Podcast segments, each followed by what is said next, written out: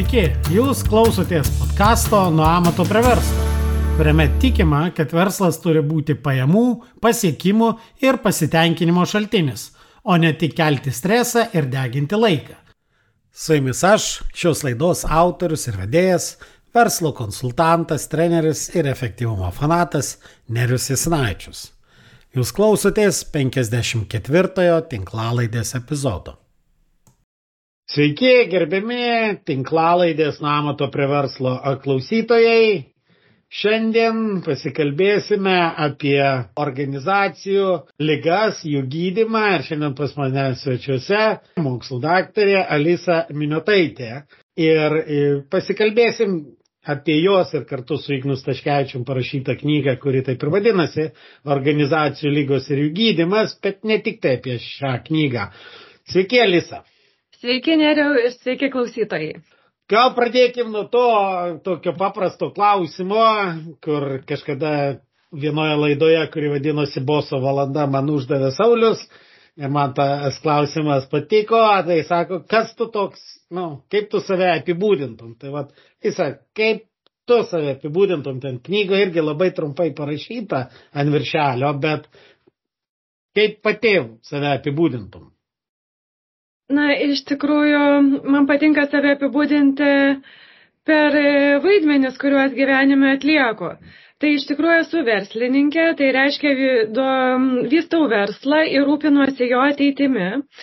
Esu vadovė, tai reiškia dirbu savo žmonėms, komandai, organizacijai ir jos procesams. Esu specialistė ir ekspertė, Taigi vadovavimo, lyderystės, organizacija Elksenos ir eksperto vaidmenyje dirbu ir savo versle, ir JSM vadovų magistrantūroje. Esu lyderystės programos vadovė, taip pat rašau straipsnius ir knygas ir dar esu mama. Tai visi šie vaidmenys turbūt yra mama. šiaip mama, penkių vaikų mama. taip, taip, tai visi šie vaidmenys ir turbūt atsako į klausimą, kas aš esu. Pasižiūrėkim šiek tiek į tą profesinę pusę. Aš tai girdėdamas tą, kad esu verslininkė, vadovė ir specialistė, tai girdžiu tai, ką, manau, 90 procentų smulkaus ir vidutinio verslo savininkų vadovų ir galėtų apibūdinti save kaip tų trijų skrybelių, trijų kepurių nešiotojus, jau nekalbant dar apie papildomą tą dėstymą universitete ir tos mokslinius darbus. Kaip pavyksta visą tai suderinti? Na, kaip e, derinimo būtų. Čia mhm. toks standartinis atsakymas. E, klausimas iš vis ar pavyksta? E, na, turbūt taip. Kuo labiau esu samoningesnė, tuo labiau pavyksta. Tenka tikrai labai e, aiškiai struktūruoti savo uh, darbo dieną, taip pat e, labai svarbu suvokti šios vaidmenis kaip tokius. Na, to atsakomybės ir valdyti savo įsipareigojimą šiems vaidmenims. Tai, na, iššūkis yra labai didelis, aš irgi esu priklausau smulkaus verslo atstovams, tai su tuo iššūkiu kasdieną ir gyvenu, tai va taip ir pavyksta.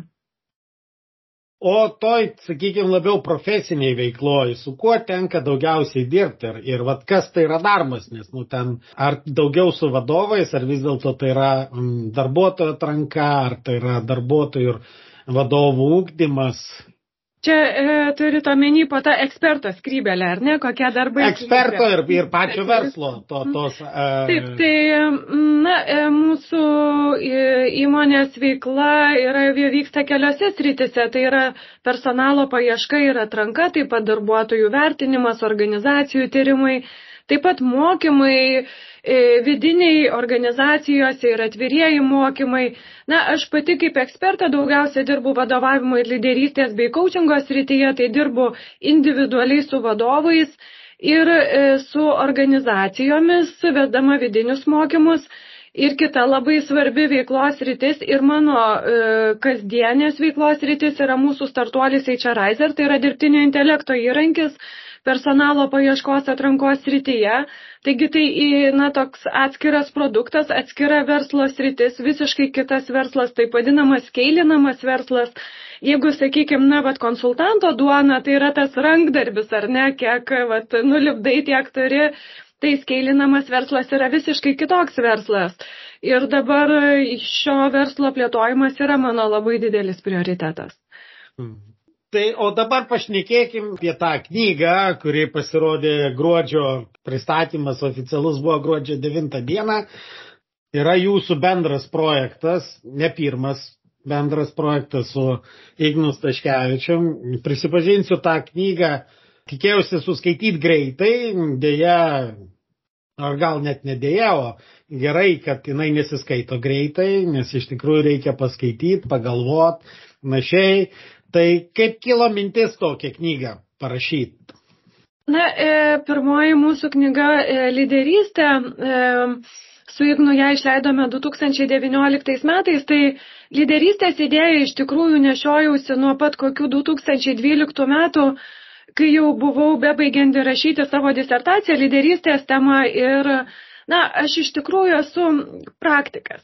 Man patinka įgyvendinti dalykus ir man svarbu, kad, na, teorinės ir mokslinės žinios nebūtų savo, tarkim, na, tą praktiką verslą savo. Taigi, kalb, galvodama apie lyderystę, tikrai norėjau pritaikyti visas teorinės ir mokslinės žinias praktikai ir atsakyti, ir kad būtų labai aišku, ką vadovams daryti. Na, pavyzdžiui, tarkim, ten tokie lyderystės lozungai kaip įkvėpk žmonės. Na tai kamgi jie padeda, kaipgi tos žmonės įkvėpti, ar čia dirbtinį kvepavimą daryti. Taigi, kitaip tariant, į, išversti į tokius labai aiškius žingsnius, kaip yra įkvėpiami žmonės, kaip kuriama vizija. Taigi man tai buvo labai svarbu ir iš tikrųjų kurį laiką galvojau, na, su kokį šią knygą galėčiau parašyti ir, na, savotiškai matavausi bendrautorius. Ir Ignaco dalyvavo kartu laidoje e, lyderio dilema, e, kurią tuo metu vedžiau žinių radijoje. Man atrodo, kad jau gal tuo metu ir svarščiau apie tai, kad Ignas galėtų būti bendrautoris, kadangi žinojau, jog jis yra verslininkas ir raštingas, kas būtų, kas yra svarbu e, knygos rašyme. Taigi e, pakviečiau Igną parašyti, iš tiesų pakviečiau tik po pusmečio, kai jau supratau, kad jau tikrai reikia jį kviesti, nes na, reikėjo irgi apsidėlioti darbus. Ir kažkaip, na, Ignas, susitikome su Ignu, jis, aišku, su tokiu atsargumu išklausė idėją, susipažinome, parašiau jam pirmą lapą ir mat, iš karto atėjo su užsėdėgimu atsakymas, taip ir pradėjom, prasidėjo mūsų bendrautorystės kelias, kuris jau tęsiasi, na, va, aštuntus metus, jau devintus. Ir um, taigi su lyderystė viskas buvo paprasta, nes aš turėjau labai aiškę knygos viziją. Kai pabaigėm apie lyderystę, na, jau m, tikrai buvo toks didžiulis įdirbis ir malonumas dirbti kartu ir turėjome ką pasakyti. Na ir po kurio laiko pradėjome svarstyti, kas toliau, na, pabandėme pasidalytąją lyderystę, tačiau tai tikrai tema nepakankama knygai. Ir tada, e, to, kadangi tuo metu jau darbavausi ir visada darbavausi iš tiesų organizacijų elgsenos rytyje ir domėjausi organizacijų įpročiais, Tai labai įdomis rytis ta prasme, kad tai yra tai, ką organizacijos daro automatiškai net nesusimastydamos. Tai yra organizacijų kultūros dalis. Ir kažkaip tada supratau, kad na, vat, organizacijų lygos galėtų būti ta svarbi tema. Ir jo labiau, na, mačiau šitą knygą kaip tokį didelį žinyną, na, pavyzdžiui, tarkim, yra tokių smetoniškų šeimininkės vadovų, gal kai kurių klausytojų namuose, kur gali rasti įvairių įdomių patarimų Taigi mačiau to šią knygą kaip pakankamai didelės apimties tokią knygą, kur galima rasti įžvalgų, patarimų, palaikymo. Man labai svarbu yra palaikyti ir skleisti gerą žinę, gerą naujieną vadovams, o ne juos gniuždyti ir kažkaip ten moralizuoti ir didaktiškai auklėti. Taigi e, pasiūliau šią idėją Ignui, jisai sutiko ir ėmėmės darbo, na, va, ir rašome mes knygas keturis metus, taigi tai yra labai ilgas laikas, nuodugnus darbas. Jis vyksta kartais intensyviai, kartais mažiau intensyviai, priklausomai nuo mūsų darbų ir darbo atvarkių. Tai va toks ilgas atsakymas į jūsų klausimą. Oi, iš tikrųjų, kad apimtis yra labai didelė, tai aš irgi, kai pasėmiau tą knygą, nu atrodė, o kai pasižiūrėjau, kiek puslapių, tai net nu, žaktelėjau, tai yra virš 300, 350 puslapių ir tai ne vandenėlis, o iš tikrųjų va tas būtent patarimas, praktiniai patarimai mane tai labai smarkiai sužavėjo, kaip organiškai ir sklandžiai suderinami ta patirtis ir smulkaus ir vidutinio verslo, bet ir didžiųjų korporacijų, nes man pačiam tekė susidurti Ir matyt, ir labai mažus verslus, ir labai didelius, nu, bent jau Lietuvos mastais, ir gal kai kur lygos panašios, bet simptomai kitokie, galbūt ir sprendimai kitokie, ir, va, ta, sakykime, igno nu, didelio verslo matymas ir, aišku, ir smulkesnio, ir tie dalykai suderinti, ir tai, kad na, labai taip gražiai išskirta, vienas šriftas yra tai, ką rašo Ignas, kitas šriftas tai, ką rašo Lisa. Ir iš tikrųjų tos išvalgos labai, labai vertingos. Kokie atradimai nu, įvyko rašant tą knygą? Nu vis tiek aš pagal save žinau, kai aš vat atsisėdau, tą rašiau nuo amato prie verslo pradžia, dabar irgi su kolegomis baigiam išsigryninti, parašytis tokį vadovą, galbūt irgi apie pribojimų teoriją vadovams. Tai, nu, daug tokių dalykų uh, išsigrynina. Tai vad, kokie galbūt du, trys dalykai labiausiai įstrigo, nu, buvo kaip atradimas rašant šitą knygą. Tai tikrai buvo atradimų ir labai svarbių atradimų ir, na, jaučiuosi asmeniškai kaip vadovė ir verslininkė nepaprastai praturtėjusi parašiusi šią knygą. Visų pirma, mano samoningumo lygis labai išaugo. Uh, Tai, na, kokie buvo svarbiausi atradimai? Na, gal jie skambės ir banaliai, bet man tai buvo atradimai. Tai visgi tikslo svarba, sakyčiau, turbūt numeris vienas. Kad, na, e, labai aiškiai suvokiau parašęs šią knygą, kad organizacija yra ne kas kitas, o būdas pasiekti tikslą. Ir kad organizacija sukūriama tik tikslui pasiekti. Na, e, pavyzdžiui, būdami, na, specialistai, mes galim tarsi užsižaisti tose veiklose, na tarsi va čia kažkuria prasme tai gali būti mūsų užimtumas, kažkoks dienos užpildymas, prasmės suteikimas. Visa tai yra smagu, bet tam nereikia organizacijos, ar ne, mesgi galim dirbti ir pavieniai. Tai jeigu būrėme organizaciją, tai ją būrėme tikslui pasiekti ir, ir ambicingų tikslų kelimas. Ėjimas kasdieną į tikslą, kasdieną, kas savaitę, kas mėnesį, darbas su komanda, sėkimas kiekvieno žingsnelio į tikslą komunikacija apie tikslą. Taigi, va, to tikslo svarbą, na, taip naujai suvokiu ir pamačiau. Tai man tai buvo labai svarbu ir, aišku, visai kitai pradėjau dirbti su savo organizacija ir komanda. Kita dalis buvo labai svarbi komandos dalyje, na kaip ir rašiau, komandos pati potėme man atrodė, na tokia lėkštoka, nelabai ją ir mėgau, bet parašiusi šitą skyrių, kuris man ypatingai pareikalavo daug laiko ir tokių kūrybinių kančių, teko labai daug skaityti, labai daug susisteminti informacijos, naujai perteikti suvokiau komandos svarbą naujai ir turbūt savotiškai išmokau su jie dirbti. Ir tas darbas tai visų pirma vadovo drąsa. Drąsa nenutilėti, e, drąsa eiti pas žmogų, kai reikalai vyksta ne taip, drąsa išsireikalauti įsipareigojimų vykdymo. Taigi, na, turbūt, jeigu sakyčiau taip, daug įvairiausių smulkių atradimų, bet du didžiausi tai yra tikslas ir drąsa mano pačios kaip vadovės, dirbant su komanda. Tai kalbant apie patį tikslą, ten skaitant man irgi užkliuvo, pats žodis tikslas man labai artimas dėl, sakykime, tą pribojimų teorija prasidėjo, aiškiai prasidėjo nuo anksčiau, bet labai siejama su ta knyga tikslas ir netgi pačioj pradžioj knygos pradžioj Ignas mini e, tą pribojimų teoriją ir meta šiek tiek kaltinimą, kad apribojimų teorija labai smarkiai orientuojasi tą piniginį tikslą, kas nėra visiškai teisinga bet, bet e, e, yra vis tiek pabrėžiama, kad jeigu šnekam apie verslą ir ten vat, irgi toj daly, kur kalbama apie organizacijų tikslus ir pačios yra ta statistika pateikta, kad daug geriau išgyvena verslai, kur nuo pat pradžių steigėjai susitelkė į tą pagrindinį tikslą pinigų uždirbimą nors vėliau ten ar, e, Ignas ir kalba, kad nu, pinigų siekimo tikslas yra nu, ne visai galbūt teisinga, tai vis dėlto pačios nuomonė, vis dėlto, tai tie pinigai kaip verslo organizacijai, kaip tikslas, yra geras ar, ar nelabai geras? Labai geras klausimas, neriau tikrai ačiū už jį ir um, pradėsiu nuo tokio labai keisto atsakymo.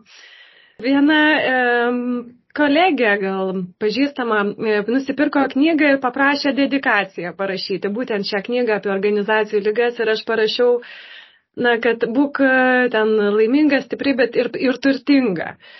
Ir galvoju, na, gal žmogus gal galvos, kad čia labai materialistiškai parašiau. Bet iš tikrųjų, na, e, šiaip pinigai juk yra na, svarbus dalykas, jisai suteikia laisvę, jisai suteikia komfortą. Mes e, galim sakyti, kad gali būti laimingas be pinigų ir tai yra absoliučiai tiesa. Tačiau visgi pinigai na, suteikia tam tikrą orumą ir mes galime padaryti su pinigais labai labai daug svarbių dalykų. Tai noriu pasakyti, kad aišku, kad pinigų klausimas yra filosofinis klausimas, tačiau bendrai aš tikrai linkiu visiems būti turtingiams ir tuo požiūriu finansiškai laisviems. Kitas dalykas yra e, savininkų motivacija steigti verslą.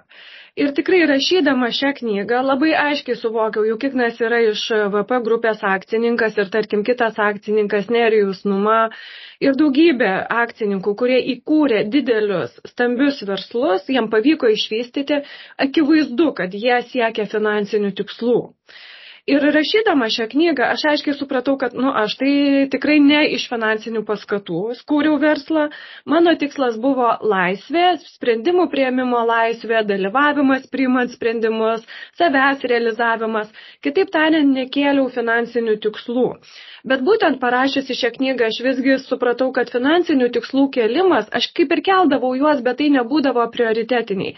Visgi yra mano požiūriu prioritetiniai dėl to, kad jie leidžia, labai aiškiai ir tyrimai parodė, parodo, kad kai keliami ambicingi finansiniai tikslai ir tai tokie veiks, verslai išlieka. Kitaip tariant, tada yra ambicija ir viskas vedama į tai. Na tai finansiškai gyvybinga įmonė, taigi savaime suprantama, kiek jinai teikia naudų kitiems. Darbuotojai gauna solidesnius atlyginimus, kūriamos inovacijos, ūkdymas ir, na, tai plėtra ir kas tik nori. Taigi, aišku, kad tai yra labai svarbu. E, dabar, e, ar tai vienintelis tikslas? Na ne, dėl to, kad jeigu yra tik susivedama į finansinį tikslą, Tai aš manau, kad prarandama pati įmonės misija, ko gero, ir veiklos filosofija. Ir man patiko Drekerio, ir aš cituoju jį, kad įmonės tikslas yra sukurti klientą. Ir man labai patiko šitą frazę ir man patinka apie ją galvoti. Ir taigi, sakyčiau, tada yra ir ir. Taigi, pavyzdžiui, na, tarkim, mūsų veikla mokymai, ar ne?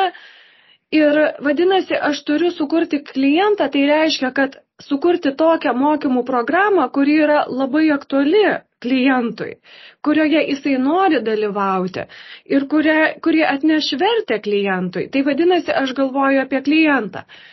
Ir tada, aišku, ateina ir pinigai. Taigi, mano manimu, vat, atsakant į tą finansinį tikslą, be jokios abejonės, ambicingi finansiniai tikslai, pasiekiami, bet ambicingi, turi būti keliami, bet bent jau aš asmeniškai keliu tikslą turbūt sukurti klientą, na tai gaunasi toks dvilypis tikslas. O tada tie asmeniniai akcininkų arba steigėjo e, tikslai tokie kaip prasmė, laisvė, kas yra labai svarbus tikslas, kuriant verslą, aišku, jie irgi yra svarbus, bet E, dar tada truputėlį toksai, na, e, nukrypimas nedidelis. E, jeigu žmogaus gyvenimo tikslas yra laimė ir jisai, na, e, taip, užsispyrusiai jos siekia, tai greičiausiai jis nebus laimingas. Nes laimė ateina kaip apdovanojimas išdarimo kažko prasmingo. Ir, e, pavyzdžiui, kai dirbu su komandomis, na, tarkim, E, būna įvairių, tarkim, projektų, tarkim, ar su savivaldybėmis, tokie ilgalaikiai projektai ten koma, ir komanda, tarkim, savivaldybės išsikelia tikslą, tarkim, geresnis bendradarbiavimas. Na tai šitas tikslas yra visiškai niekinis, jis yra netvarus, dėl to, kad geresnis bendradarbiavimas negali būti tikslu. Jis yra apdovanojimas vykdant kažką prasmingo. Jeigu mes sukursime savivaldybėje, pavyzdžiui, kažką prasmingo, tai bedirbdami, kurdami, mes turėsime ir geresnį bendradarbiavimą. Taigi, va tas prasmės jausmas, laisvės jausmas, jie yra kaip apdovanojimai, kai mes pasiekėme tų kitų svarbesnių pirminių tikslų. Tai va toks atsakymas. Ir man taip atrodo kartais, kad vis dėlto, kai mes kalbam organizacijos tikslą, įmonės tikslą, mes dažnai susijęm ir su žmogum. Tai aš visada pritarčiau, kad jeigu žmogaus pats svarbiausias tikslas yra pinigai, tai kažkas su to žmogumi yra negerai. Bet tai nereiškia, kad verslo organizacijos tikslai neturi būti nu, labai smarkiai orientuoti į finansus. Aš vis kaip pavyzdį duodu tą patį Buffettą ar Gatesą, kurie yra didžiausi labdaros teikėjai, turi tą didžiausią labdaros fondą, nu, kartu su kitais sukūrė. Ir jie iš tikrųjų turi tiek pinigų, kad, nu, bet tai nereiškia, kad Gatesas ar ten Buffettas savo įmonėm sako, okei, okay, dabar jūsų tikslas nėra maksimizuoti investuoto kapitalo gražos ar panašiai. Tai va, dėl to aš manau, smulkiam ir vidutiniam versle tas klausimas e, sunkiau sprendžiamas, nes ką jūs rašo toj knygoje, kad ten neatsiskiria akcininkas, vadovas ir, ir, ir specialistas, viskas viename, tai dėl to ir sunkiau tuos dalykus atskirti. Dabar, vat vėlgi, kalbant ir knygoje, ten kalbat vadovas, lyderis ir panašiai kokia pačios nuomonė, nes aš taip, sakykime, va, pilnai pritarčiau prie va, tų dalykų, kad įkvėpkite komandą, nu čia kaip tai įkvėpti ir va tie, ypač su žodžiu lyderystė siejami dabar mitai ir tie visi vai vai, kad žodis bosas yra blogas, o va lyderis tai yra geras ir jie pristatomi kaip juoda balta, su kuo aš sakyčiau, nu, nesutikčiau, nes aš iš savo patirties esu dirbęs su žmonėm, kuriuos aš vadindavau bosais Ir gerąją tą žodžio prasme, ir mes net su Saulium jo vaišu turėjom visą laidą podcast'e apie tai diskutuojant, bet vat, ar iš tikrųjų reikia atskirti lyderis, vadovas ir, ir, ir bosas ir prieš pastatyti, ar vis dėlto jau būtinai vadovas, bosas yra blogai ir tai, ar, ar nu, vat, man, sakykime, taip įdomi, vis tiek lyderystėje Taip, tai e, labai e, e, eilinis puikus klausimas ir e, vėlgi atsakymas nebus trumpas. Na, kalbant e, lyderio ir boso prieš pastatymą, tai čia labiau, na, turbūt tokio pozicionavimo klausimai, kalbant apie asmenybės ir turbūt čia ir reikėtų tom pabaigti šitą takoskirą. O kalbant plačiau, mm, Tai, mm, sakykime taip, lyderystė, vadovavimas gali būti labiau horizontalūs, partneriški ir labiau vertikalūs. Tai, tai labai priklauso nuo konteksto. Kuo yra nebrandesni darbuotojai, tuo labiau jie norės vertikalesnio vadovavimo, kuo jie yra labiau išsilavinę, savarankiški ir brandus, tuo labiau norės horizontalesnio, tai yra lygiaverčio ir partneriško. Taip pat kontekstą lemia, tai gali lemti ir įmonės veiklos rytis, pavyzdžiui, gamyba ir IT paslaugos. Taip pat e, socialinė ekonominė situacija. Neramumų metu žmonės visą laiką nori kietesnės rankos. Tai, tai kitaip tariant, lyderystė yra kontekstuali ir kiekvienam kontekstui yra na, savas receptas. Dabar net kalbant ar horizontali ar vertikali lyderystė, mano gilių įsitikinimu, iš vadovo arba lyderio žmonės nori na, tokio tėviškumo autoriteto. Ir dėl to, kai sakot, kad bosas gali būti puikus lyderis, aš absoliučiai pritariu, nes tai yra autoritetas. Žmonės, kai sako bosas, jie greičiausiai mato autoritetą. Ir tame gali būti nebūti jokio kelio klupšiavimo ar kažkokio nepilnavertiškumo ar vertikalumo. Tai kalbant vat, apie tą lyderį kaip na, tokį išmintingą tėvą arba mamą, Tai aš manau, tai yra labai svarbu. Lyderis privalo išlikti ar vadovas autoritetu. Tai reiškia, kad jis e, atsakingas už galutinį rezultatą, nors galbūt jis ir dalinasi lyderystę, jisai vis vien augina žmonės, jis yra pavyzdys. Ir kad ir kaip mes to norėtumėm ar nenorėtumėm, e, jeigu lyderis arba vadovas nesima to tėviško vaidmens, Tai aš manau, jis yra blogas vadovas arba lyderis. Taigi aš visai nesureikšminčiau čia bosas, lyderis, netame esmė, kaip pavadinsim, esmė yra būti autoritetu. Ir tu gali būti autoritetu ir būdamas labai horizontalus ir vertikalus, priklausomai nuo konteksto, tačiau svarbiausia yra būti, na, va tuo, sakykime, to išmintingu tėvu. Nes toks yra vadovo arba lyderio vaidmuo.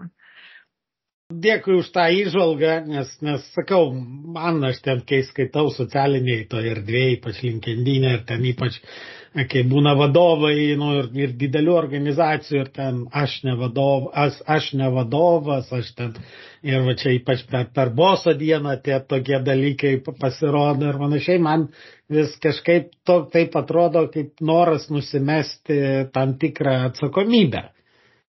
Pritariu. Ir, ir, tai, tai ir... tai gali būti noras ir aš manau, kad tai nėra labai geras noras, ta prasme, kad mano gilių įsitikinimų žmonės nori turėti tvirtą petį, kurį gali atsiremti, arba aš kartais sakau, kad komandoje e, vadovas arba komandos lyderis yra kaip stulpas, prie kurio kiti darbuotojai pririša savo valteles. Na, jis yra tokia laikančia kolona.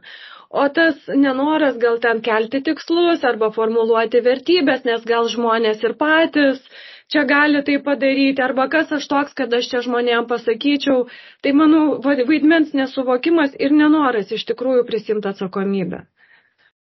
Gerai, dabar vis dėlto grįžtam dar prie tų organizacijos lygų ir gydimų. Iš savos patirties, kaip manot, kokia dažniausia vis dėlto yra organizacijų lyga?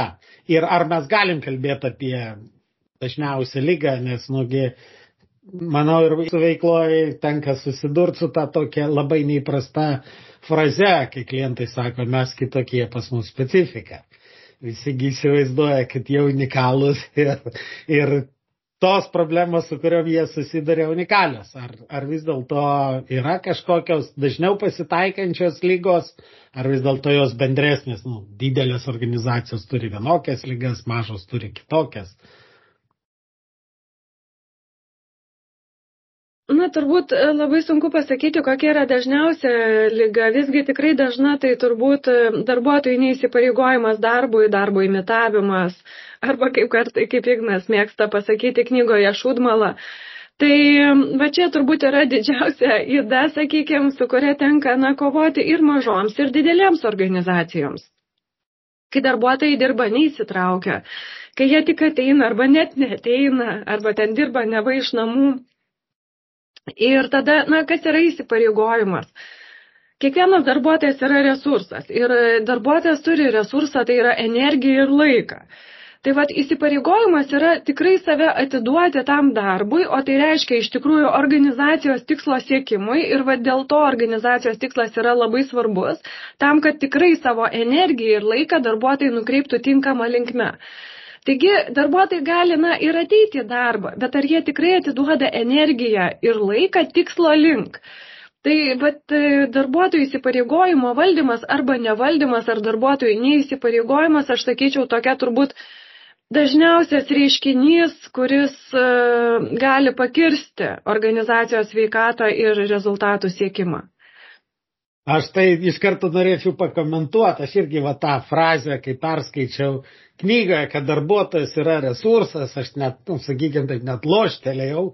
Ne todėl, kad manęs tai nustebino, aš irgi dažnai taip galvoju ir, ir, ir vadovam tą bandau iškomunikuoti, bet, sakykime, šio laikiniam vadybos kontekste tai yra pakankamai uh, nu, aštri frazė, kuria prasme mes daug vadovų dabar jau oi užsiminėjom tuo vaikų darželio auklėjimu ir, ir panašiai. Ir vat kartais iš tikrųjų ir pas jūs ten knygoje parašyta, kai, kai rūpinamasi darbuotojais per daug, nu, ta prasme, užsižaidžiamas ir, ir dalykas. Ir tas, ar nėra tai, kad vadovai, nu, va, ta drąsa, bet apskritai, kadangi nauja karta, kurie ateina į darbo rinką pakankamai išlepinta, labai priklausoma nuo to dopamino, tas, e, kaip Saulis irgi kažkurioje iš savo laidų sakė, e, kad, kad ta skausmo e, riba daug žemesnė ir panašiai, ar tai, na, nu, aišku, mes gaunam visada tą elgseną, kurią toleruojam, tai kaip vadovai patys nu, sakykime, leidžiam vaikams, nu, ne vaikams, o darbuotojams žaisti tą vaikų darželį, bet ar nereiktų aktyviau va tą, reiškia, įvardinti, nes va, aš irgi sutikčiau, kad tai dažna lyga, kai vadovai pamiršta, kad kaip ten bebūtų, darbuotojas yra tas resursas, kurį reikia išnaudoti. Kad ir kaip tai negražiai skambėtų, Taip, galėtų būti tas gražesnis žodis įdarbinti. Įdarbinti. Ta prasme, nukreipti jėgas. E, tai aš e, nematau čia absoliučiai nieko blogo, ne, neetiško ar nekorektiško. Aš irgi esu resursas, mano kiekviena darbo valanda, mano energija yra resursas. Tai aišku, kad e, kai jeigu mes sakom, kad organizacija yra būdas tikslui pasiekti, vadinasi, vienas teigėjas arba akcininkas tikslo nepasieks. Jisai būrė kitus. Na tai kas tie kiti, tai yra resursai, tai yra apjungtos pajėgos. Tai jeigu mes būrėme kitus tikslui pasiekti, na tai tie kitigi ir yra resursai. Ir vat e, žmonių, na tas įdarbinimas, jų resursų išnaudojimas ir kokie, kokie tai yra resursai, tai yra ir emocijos, ir energija, ir laikas, ir kompetencijos, ir patirtis. Na, kiekvienas turime labai įvairių resursų. Ir nukreipimas tinkama linkme, tai čia yra didysis vadovo darbas ir uždavinys. Ir taip pat, kaip knygoje tikrai atkreipiu dėmesį į, į faktą, kad kartais vadovai užsiciklina į darbuotojo trūkumus ir mato tik juos ir galvoja, kaip ten tą nuzulinti, tą trūkumą, tą spyklį nulaužti. Bet čia labai neproduktyvus požiūris, nes turėtumėm galvoti, kokios yra šio darbuotojo stiprybės ir kaip geriausiai jas galiu išnaudoti. Tai šiuo atveju Tai manau, kad požiūris turėtų būti tik toks ir ne kitoks. Ir tai, neturėt, tai nėra kažkas netiško. Mes, manau, darbuotojai, galų galę tyrimai rodo, kad darbuotojai dirbantis aukštų standartų siekiančiose, aukštų rezultatų, aukštus standartus palaikančiose komandose yra žymiai labiau patenkinti darbu. Niekas iš tikrųjų nesididžiuodami, jie dirbdamas komandoje, kurioje užsimama tą pačią šūdmalą ar dikinėjimu. Na tai nieko nepraturtina, taip kad e, pritariu požiūrį, kad darbuotojas yra resursas ir reikia jį maksimaliai darbinti, nuo to laimi visi. Net apribojimų teorijoje, kur yra tas, kaip sakykime, kaip, kai kartais juokėmės, kai mus kaltina, sako, o jūs kaip religija, Nu taip, mes ten turim savo šventą knygą, nu, gal ne visai šventą. Reiškia, ten yra e, įprastai krikščionybei dešimt Dievo įsakymų, pas mus penki fokusuojantis žingsniai.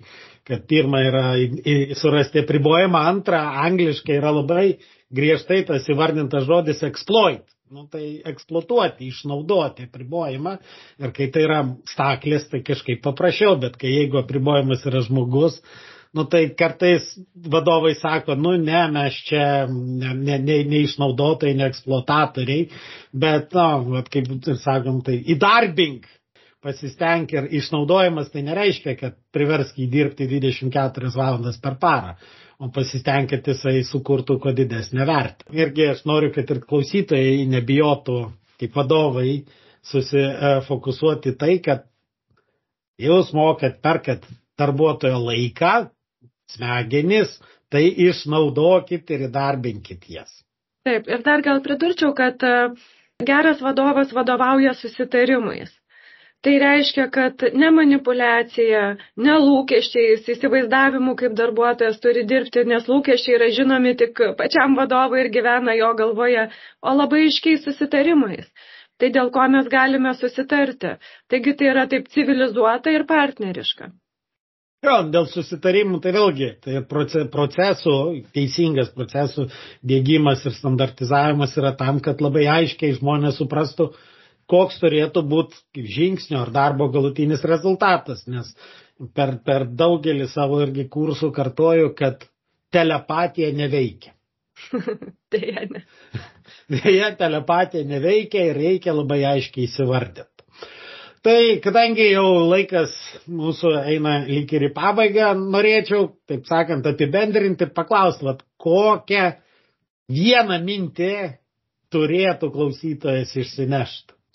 Vat, ką labiausiai užakcentuotumėt? Žinot viso mūsų šito pokalbio ar visos savo Na tikrai sunku būtų net išskirti vieną ir tas pats tikslas e, ir drąsa veikti, Na, bet kadangi jau taip į pabaigą baigiam apie darbuotoją kaip resursą, tai aš manau, kad tai yra gera mintis, kad, na, kas yra gera strategija, tai mes iš tikrųjų turime labai ribotus resursus, finansinius, laiko. Tai gera strategija tai yra nukreipti tuos ribotus resursus pačia geriausia linkme, ten, kur jinai atneš didžiausią naudą. Tai ko gero tai ir yra pagrindinė mintis, kad nukreipti resursus ten, kur jie atneš didžiausią naudą ir vadinasi pamastyti apie tai tą dieną, tą savaitę, tą mėnesį ir tais metais. Ja, ir eliminuoti šūdmalą. Taip. Nes jeigu pasižiūrėt, beveik visi efektyvumo didinimai yra ne apie tai, kaip privers žmonės dirbti greičiau. O kaip nuimti, kad žmonės nu, nustotų, ne tik žmonės, bet ir kiti resursai nustotų daryti tai, kas yra nereikalinga. Kur klausytojai gali daugiau sužinoti apie tai, ką Alisa veikia, kaip susirast kontaktus ir kur geriausiai ieškoti šitos knygos. Na, e, knyga, knyga išleido Tito Alba, tai ir Tito Alba, ir knyginuose, ir knygos LT, visur galima ją įsigyti. Na, o Apie įmonę gali, mane asmeniškai galima susirasti LinkedIn arba amlaboratory.com. Čia taip jau yra, kad visus mano podkastų svečius galima rasti LinkedIn ir geriausiai ieškoti LinkedIn, nes tai yra aktyvus profesionalus, e, nu, aktyviai profesionaliai erdvėje veikianti žmonės. Ir Tai labai dėkui už įžvalgas, labai dėkui už pastabas ir, ir, ir komentarus. Na ir sėkmės veikloje ir kada nauja knyga. Po ketverių metų ciklas toks. Tai ačiū Neriu už galimybę ir ačiū labai klausytojams. Gerai, dėkui, geros dienos, iki. Viso gero. Dėkoju, kad klausėtės. Ir nepamirškite užsiprenumeruoti šį podcastą kad visuomet gautumėte informaciją apie naujausias laidas. Taip pat būsiu labai dėkingas, jei įvertinsite šį podcastą palikdami atsiliepimą savo įprastoje podcastų platformoje. O jei pažįstate kažką, kam jūsų nuomonė šis podcastas būtų naudingas, būtinai pasidalinkite. Iki!